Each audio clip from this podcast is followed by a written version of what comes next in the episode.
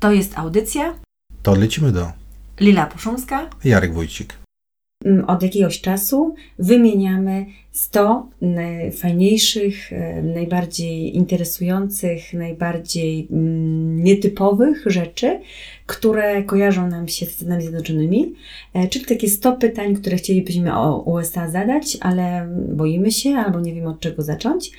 I jesteśmy w tym momencie mniej więcej w jednej trzeciej naszej wyliczanki, czyli e, na pozycji numer 34. Obiecaliśmy Wam w zeszłym odcinku, że dzisiaj będzie o parkach narodowych i o kamperowaniu, i tak też się stanie. Zatem zaczynamy od punktu 34. Rodzaje parków narodowych. Tak, y, w Stanach Zjednoczonych mm, możemy znaleźć trzy rodzaje parków. Najważniejsze są oczywiście parki narodowe, czyli po angielsku National Parks. E, są tworzone i zarządzane przez rząd federalny, czyli ogólnoamerykański. E, drugą kategorią parków są parki stanowe, czyli state parks. To są parki, które są tworzone i zarządzane przez władze danego stanu. E, I co ciekawe, w Stanach Zjednoczonych jest jeszcze trzecia grupa parków, które się nazywają po polsku, można je nazwać parkami plemiennymi, a po angielsku Tribal Parks. To są parki, które znajdują się najczęściej na terenach rezerwatów Indian i są zarządzane całkowicie przez Indian. Myślimy, że jeszcze o takich parkach, bo one są bardzo ciekawe, Wam opowiemy. Tak, na pewno będziemy o tych parkach jeszcze nie raz wspominać, bo pewnie poświęcimy e, parkom narodowym w Stanach, narodowym, stanowym i plemiennym e, niejedną e, audycję, bo to jest bardzo ciekawy temat. Tych parków jest naprawdę sporo i warto do nich wszystkich prędzej czy później zajrzeć. Ale właśnie, co w takim parku zobaczyć, Arek? Zanim jeszcze powiemy o tym, co zobaczyć, przypominamy, że w poprzednim odcinku mówiliśmy o tym, że łatwo zaoszczędzić trochę pieniędzy kupując specjalną kartę, ale przypominamy, że ta karta upoważnia do wejścia za darmo, już później po wykupieniu tej karty, tylko i wyłącznie do parków narodowych. Do parków stanowych i do parków plemiennych trzeba uiścić dodatkową opłatę. Ale wracamy. Numer 35. Co zobaczyć w Parku Narodowym? No, to jest pytanie, o którym odpo odpowiedź na to pytanie moglibyśmy ciągnąć, przynajmniej, ciągnąć przynajmniej kilka odcinków.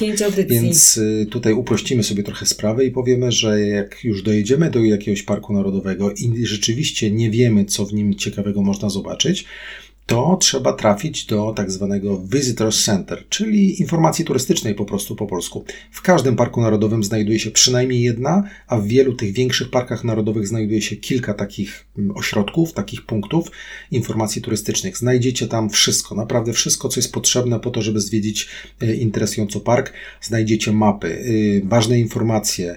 E, często można sympatycznie po prostu porozmawiać z obsługą, która doradzi, gdzie pójść, co zobaczyć. Powiecie, co chcecie, co Was interesuje interesuje, czy Was interesuje spokój, czy Was interesują piękne widoki, czy chcecie popływać, y, czy skorzystać z kajaków.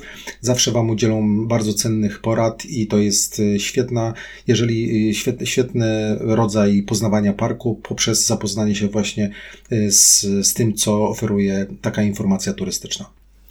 Tak, y, to fakt i też warto wspomnieć o tym, że te parki narodowe, no, w większości, y, w większości tych parków narodowych są miejsca wyznaczone do tego, aby spędzić tam noc. Można spędzić tam noc pod namiotem, można spędzić w hotelu, e, w motelu, w takich mini domkach. Na przykład w takim domku spaliśmy w Wielkim Kanionie Colorado.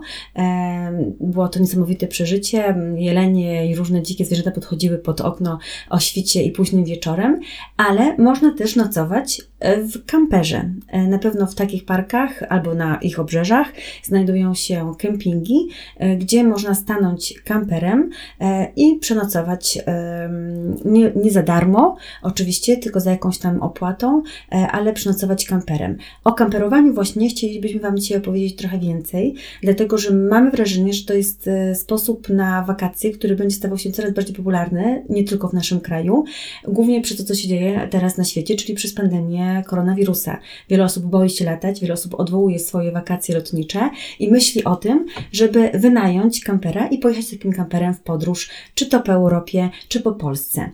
E, zanim zaczniemy o tym, jak poruszać się kamperem po Stanach Zjednoczonych, e, chcielibyśmy Wam powiedzieć, że możemy Wam udzielić trochę tych rad, dlatego że sami z tego skorzystaliśmy.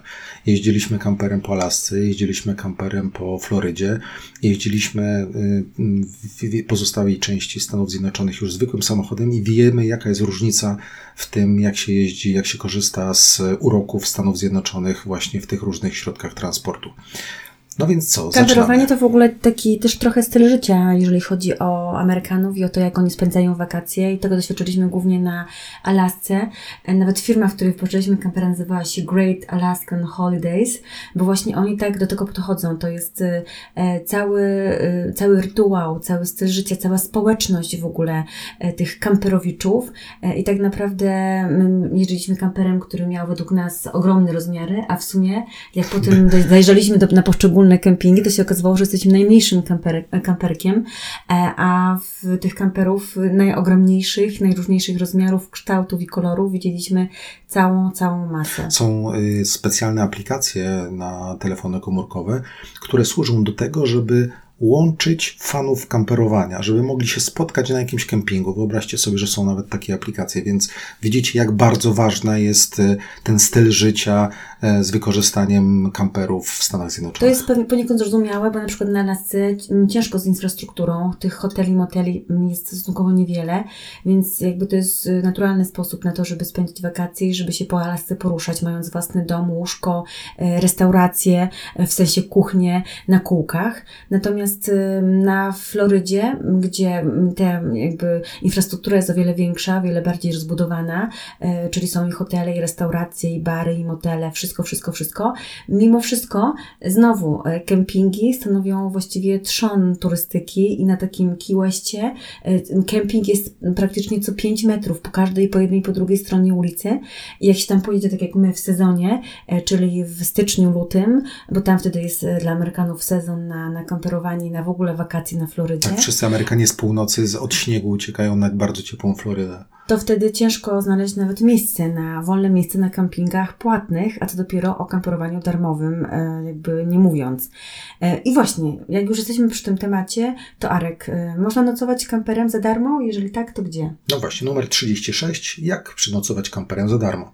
Generalnie przenocować można w każdym miejscu znajdującym się na terenie lasów i pól należących do państwa terytów federalnych. One formalnie po amerykańsku, po angielsku się nazywają National Forest and Grasslands. E, na lasce oznacza to, że pomijając bardzo dobrze oznaczone tereny prywatne, można biwakować niemal wszędzie, byle zachować odległość przynajmniej 50 metrów od najbliższej drogi, torów kolejowych czy oficjalnych kempingów. Oczywiście y, nie będziemy tam mieć restauracyjki, prysznica dodatkowego zewnętrznego, czy nie sklepu. Wi-Fi tak, nie będzie internetu. sklepu z pamiątkami, ale za to mamy całkowitą wolność, y, a prysznic na pokładzie własnego kampera oczywiście jest, tak jak i toaleta, więc jesteśmy przynajmniej przez 3 przez 4 doby y, niezależni, bo mamy ze sobą wszystko.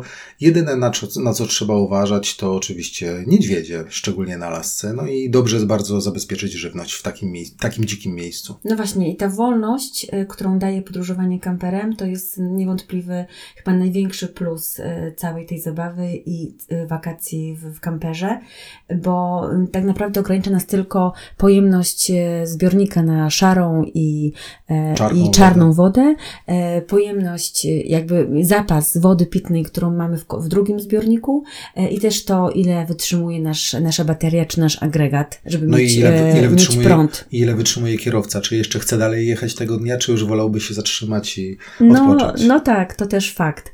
Natomiast jeżeli już nie darmowe, to są też e, kempingi. Oczywiście tych kempingów jest cała masa, ja za chwilę o tym szczegółowo opowiemy, ale najbardziej niezwykłą sprawą są kempingi samoobsługowe, czyli takie, w których nie ma żywej duszy z obsługi e, i w zasadzie przyjeżdża się na taki kemping, najczęściej wieczorem, znajdujemy na płocie powieszoną, czy w jakimś, jakiejś skrzynce na listy kopertę, kopertę z naszym nazwiskiem, z numerem miejsca, które mamy zająć.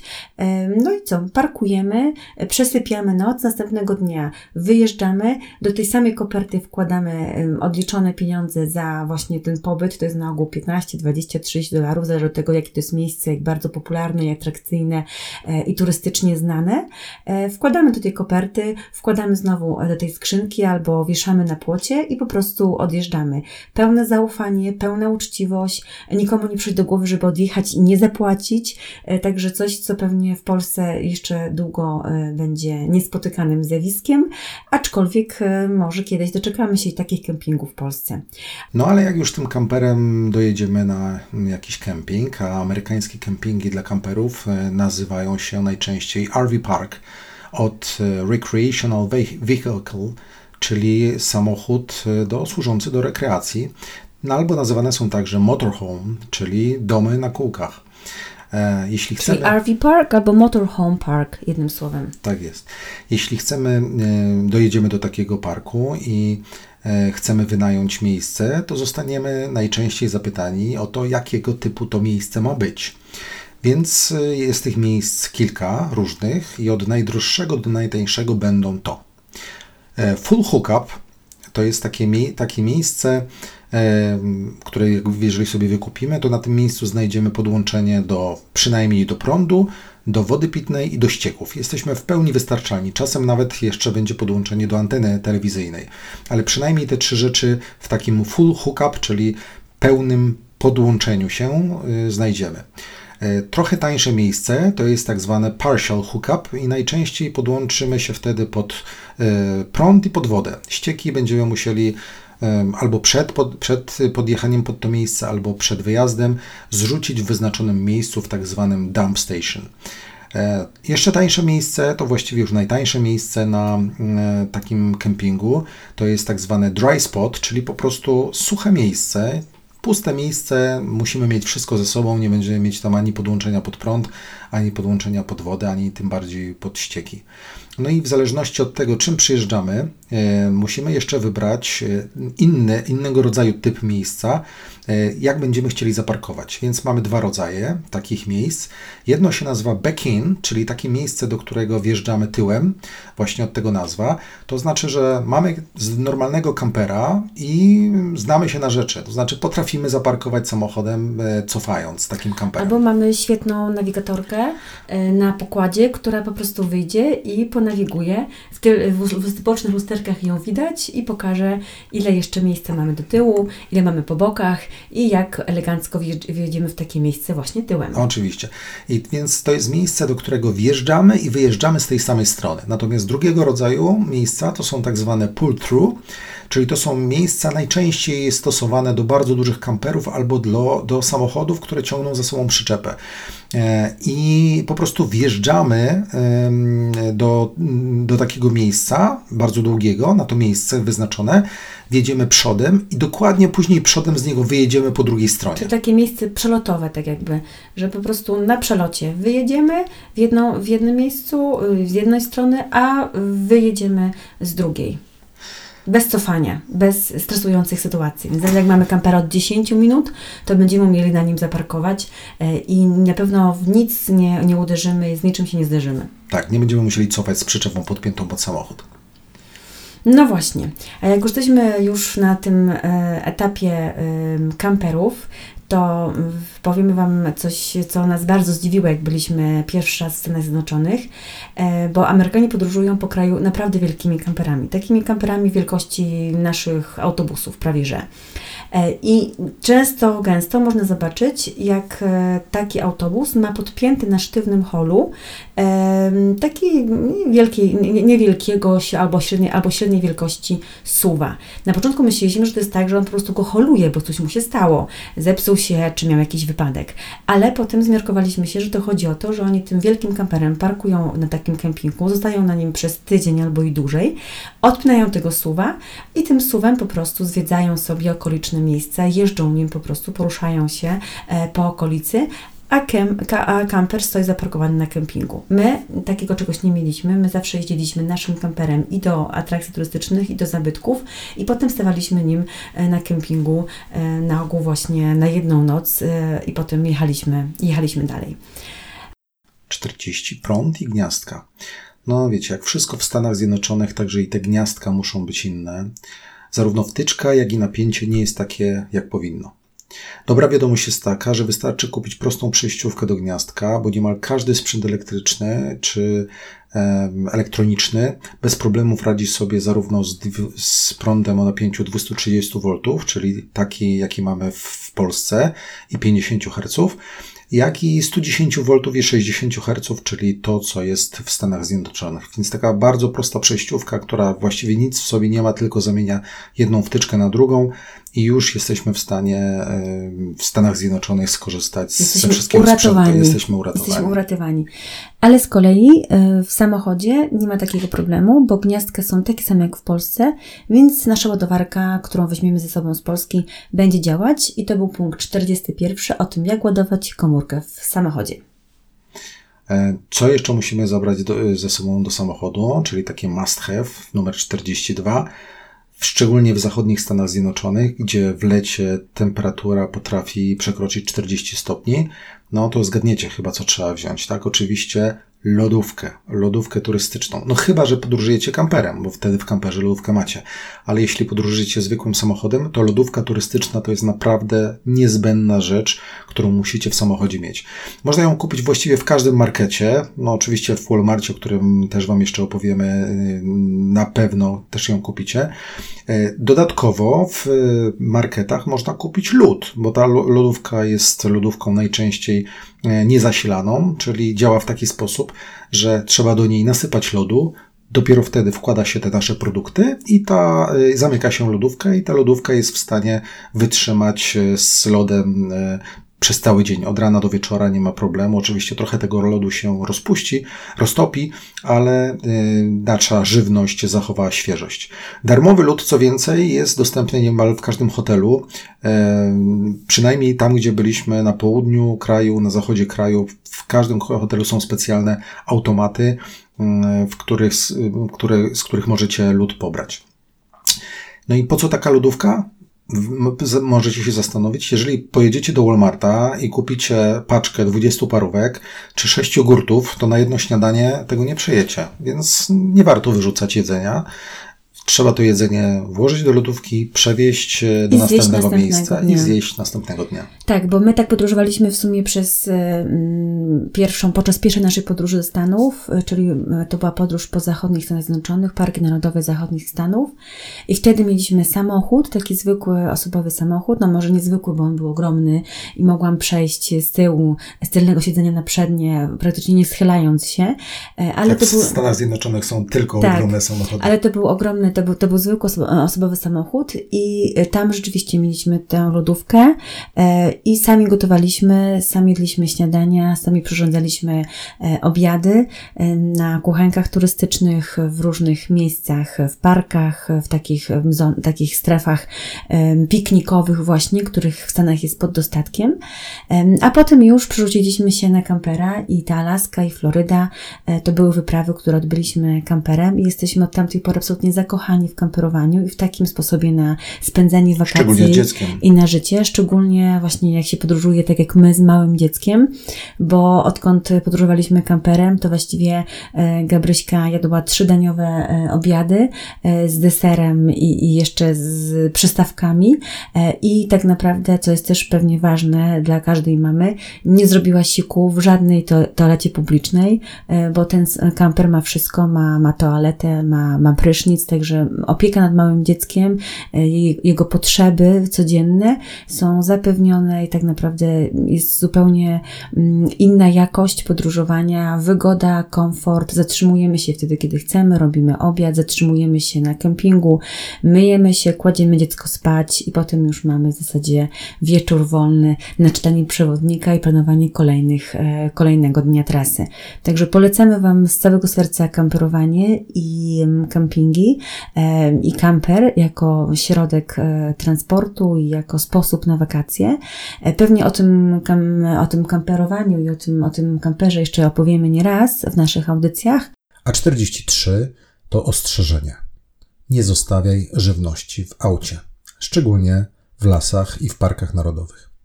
E, w miejscach, w których żyją niedźwiedzie, nie wolno pozostawiać żywności w aucie. Dotyczy to na przykład parkingów w parkach narodowych, czy też nawet dzikich parkingów w takich normalnych lasach, które nie są objęte parkami narodowymi. W Yellowstone na przykład, czy Yosemite, spotkacie specjalne tablice informacyjne wskazujące, jak zabezpieczyć żywność e, w takich przeznaczonych do tego specjalnie pozostawionych tam e, metalowych skrzyniach. Te metalowe, są te metalowe skrzynie są dosyć duże, one mają, można powiedzieć, kilka metrów na kilka metrów i mają taką bardzo nietypowe y, otwarcie i zamknięcie. Trzeba y, włożyć rękę pod specjalną blaszkę, unieść i dopiero ta, ta skrzynia się otwiera. A dlaczego tak jest? E, no, dlatego, żeby tej skrzyni nie otworzył właśnie niedźwiedź. I te skrzynie służą zabezpieczeniu waszej żywności, którą macie w samochodach. I ponieważ jeśli niedźwiedź wyczuje coś smakowitego, to otworzy samochód jak puszkę od konserw. Naprawdę to nie są żarty. Widzieliśmy zdjęcia, jak wygląda samochód, który ma oderwany dach przez niedźwiedzia. E, przeżyliśmy także inną przygodę, o której możecie przeczytać e, częściowo na naszym blogu, a trochę więcej na, w naszej książce, o tym, jak my, jaką my przygodę przeżyliśmy właśnie dotyczącą niedźwiedzi i włamywania się przez niedźwiedzie do samochodów. Więc ostrzegamy, szczególnie tam, gdzie jest niedużo ludzi, niedużo samochodów i chcecie samochód pozostawić e, w, w lesie i spodziewacie się, że tam żyją niedźwiedzie, czy to niedźwiedzie czarne, czy to niedźwiedzie gryzli, całą żywność należy do tych specjalnie przygotowanych skrzyń włożyć. E, trudno się wkłada, ale po to właśnie, żeby niedźwiedziom było jeszcze trudniej. Numer 44 co byście zrobili, jeśli wasze dziecko podczas podróży by powiedziało: Tato, patrz, misiu. No tak, przeciętny turysta może na swej drodze, szczególnie w parkach narodowych, spotkać niedźwiedzie gryzli albo baribale, bo tak się nazywają te niedźwiedzie czarne. Te ostatnie są o dziwo, pomimo że są mniejsze od niedźwiedzi gryzli, to są od nich dużo bardziej agresywne w stosunku do ludzi. E, I co ciekawe, e, są dwie szkoły zachowania przy spotkaniach z, takim, z tymi gatunkami niedźwiedzi. O ile w przypadku niedźwiedzia gryzli, tego wielkiego, bardzo znanego niedźwiedzia, trzeba się zachowywać głośno, unikać kontaktu wzrokowego i ostatecznie wycofać bardzo powoli tyłem. O tyle w przypadku Baribala trzeba, i teraz uwaga, uwaga, uwaga, panowie, trzeba walczyć. Próba walki okazuje się najbardziej skuteczna, tak pokazują statystyki. Z gryzli to się nie udaje, natomiast z baribalem to się właśnie, naj, to jest najskuteczniejszy sposób. W obu tych przypadkach najlepiej sprawdza się, e, czyli spotkań z, czy to z niedźwiedziem grizzly, czy to z niedźwiedziem baribalem, najlepiej sprawdza się jednak gaz przeciw niedźwiedziom. I znów ciekawostka. E, amerykańscy statystycy obliczyli, że ten gaz przeciwko niedźwiedziom jest skuteczny w 92% przypadków, a broń palna, strzelba, jest skuteczna tylko i wyłącznie w 67% szansy, więc, yy, przepraszam, w 67%. Tak więc yy, gaz przeciw niedźwiedziom koniecznie należy zakupić. On kosztuje 40-50 dolarów. Na naszej stronie możecie zobaczyć na zdjęciu, jak taki gaz wygląda, i to jest najskuteczniejsza broń przeciwko niedźwiedziom. Numer 46. Pająki. W Stanach Zjednoczonych żyje kilka gatunków bardzo niebezpiecznych pająków. Najbardziej znana jest oczywiście czarna wdowa, która po angielsku nazywa się Black Widow właśnie i spotkać ją można właściwie w całym kraju.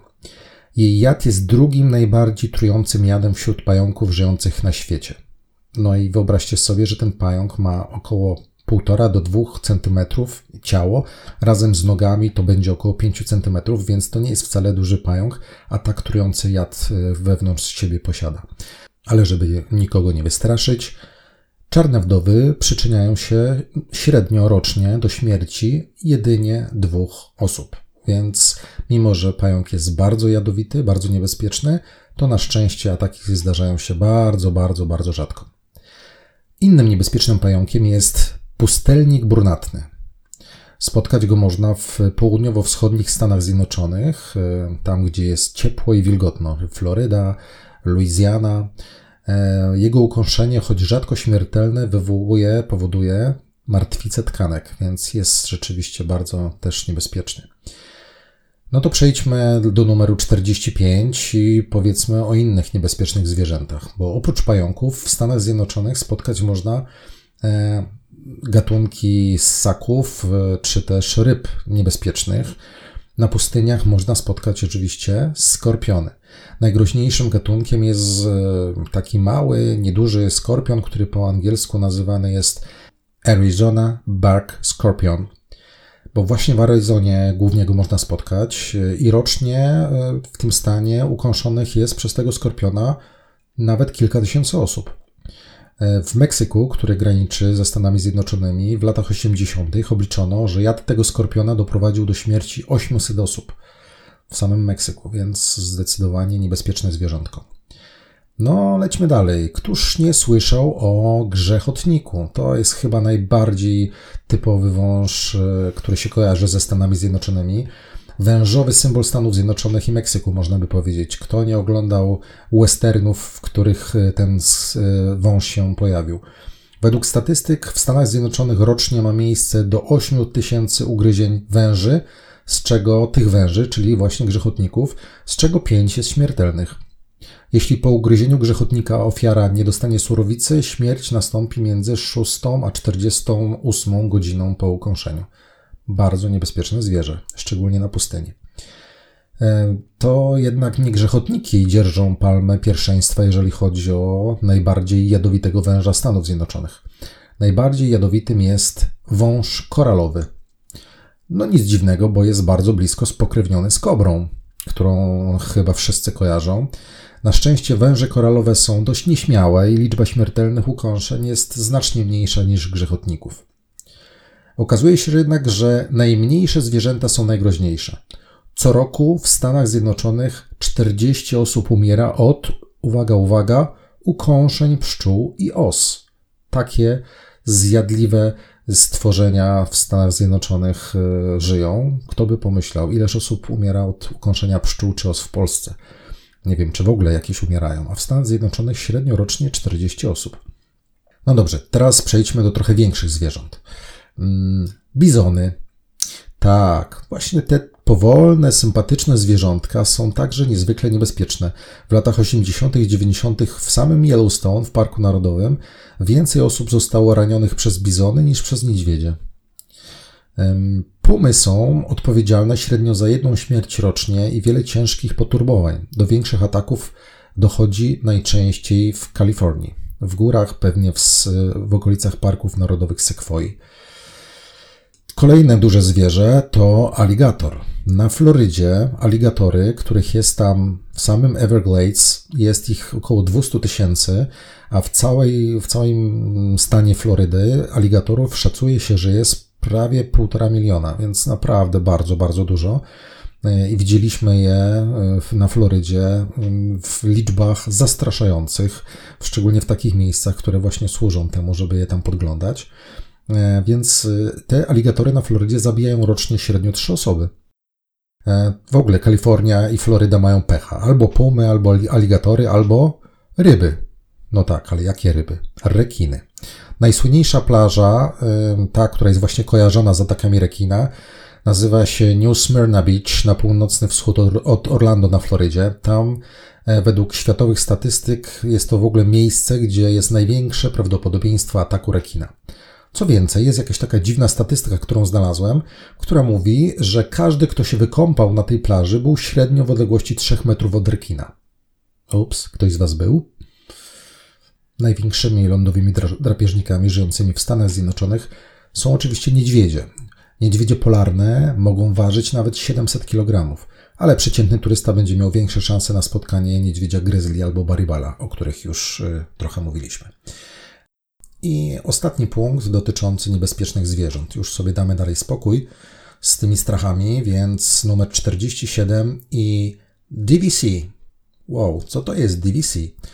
Wyobraźcie sobie, że w Stanach Zjednoczonych jest tak wiele kolizji z jeleniami, że jest nawet oficjalna nazwa na takie zdarzenie, właśnie DVC, Deer Vehicle Collision, czyli kolizja samochodu z jeleniem.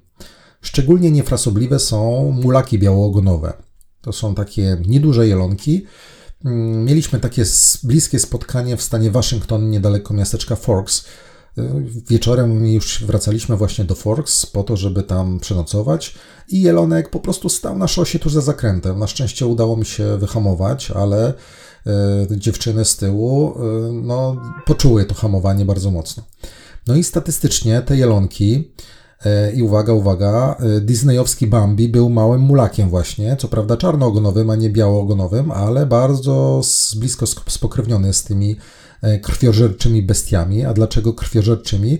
Bo są przyczyną największej liczby śmiertelnych wypadków spowodowanych przez jakiekolwiek zwierzę w Stanach Zjednoczonych. Uwaga, uwaga, wypadki samochodowe z udziałem jeleni, właśnie szczególnie tych mulaków, powodują śmierć około 200 osób rocznie. Uważajcie na jelonki na drodze. Kończymy z niebezpiecznymi zwierzętkami. Numer 48. Gdy liczby znaczą coś innego. Niemal wszystkie liczby, jakie zobaczymy na znakach drogowych, dotyczą oczywiście mil, a nie kilometrów. Zarówno odległości, jak i dopuszczalna prędkość są podawane właśnie w tych jednostkach. Jedna mila to w przybliżeniu 1609 metrów, czyli 1,61 y, km. No i jak to przeliczać? Jest z mil na kilometry, skoro na przykład y, mamy 50 mil do przejechania, jak to można przeliczyć? No ja mam taki swój sposób, E, pewnie nie tylko ja, ale ten uważam za najszybszy, więc robię to tak. Mile mnożę przez 8 i dzielę przez 5. Dla większej szybkości najpierw dzielę przez 10, a później podwajam. No to przykład.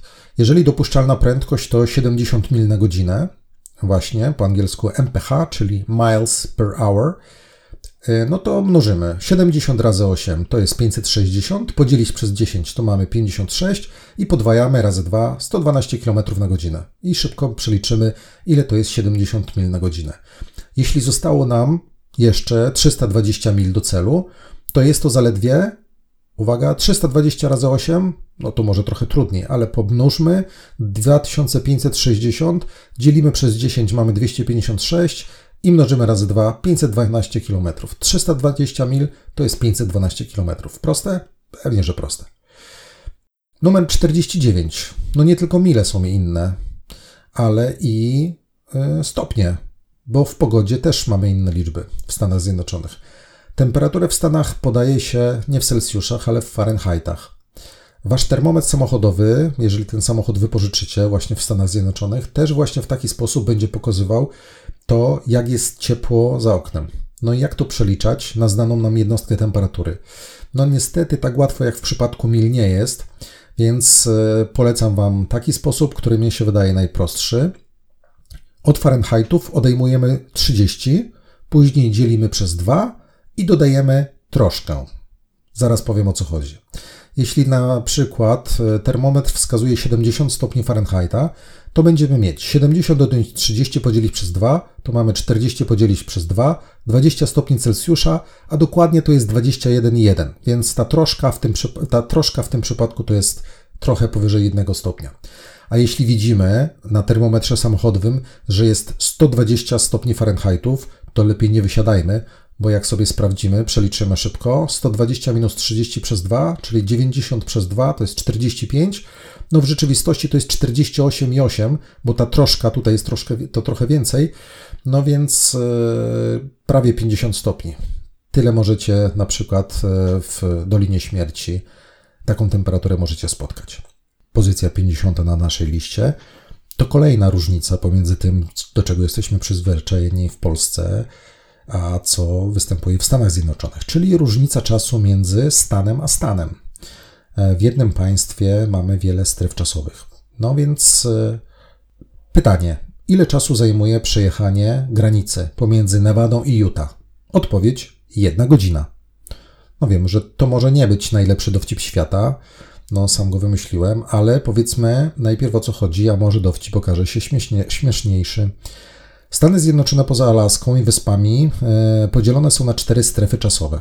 Od Atlantyku do Pacyfiku. One się tak bardzo ładnie nazywają. Eastern Time Zone, Central Time Zone, Mountain Time Zone i Pacific Time Zone. Oznacza to, że różnica czasu między Nowym Jorkiem a Los, Los Angeles wynosi 4 godziny.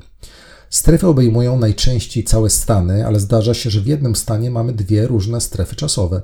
I rzeczywiście Wracamy do naszego dowcipu. Przekraczając granicę stanu Utah z Nevadą, zmieniamy godzinę. Na komórce zmieni się to nam oczywiście automatycznie po uchwyceniu pierwszej stacji przekaźnikowej o godzinę do przodu. Jeśli e, zatem musimy być tam o określonej porze, to warto o tym pamiętać, abyśmy nie dotarli o godzinę za późno. Numer 51. Hotele.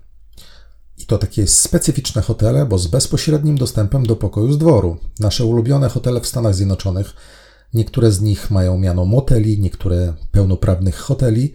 Mm, to są takie właśnie hotele, jakby wyjęte z wielu z filmów, które, których wiele oglądaliśmy w naszym dzieciństwie. Mm, czyli takie, w których parkuje się samochód tuż przed drzwiami do swojego pokoju. Parkujemy najpierw samochód pod recepcją,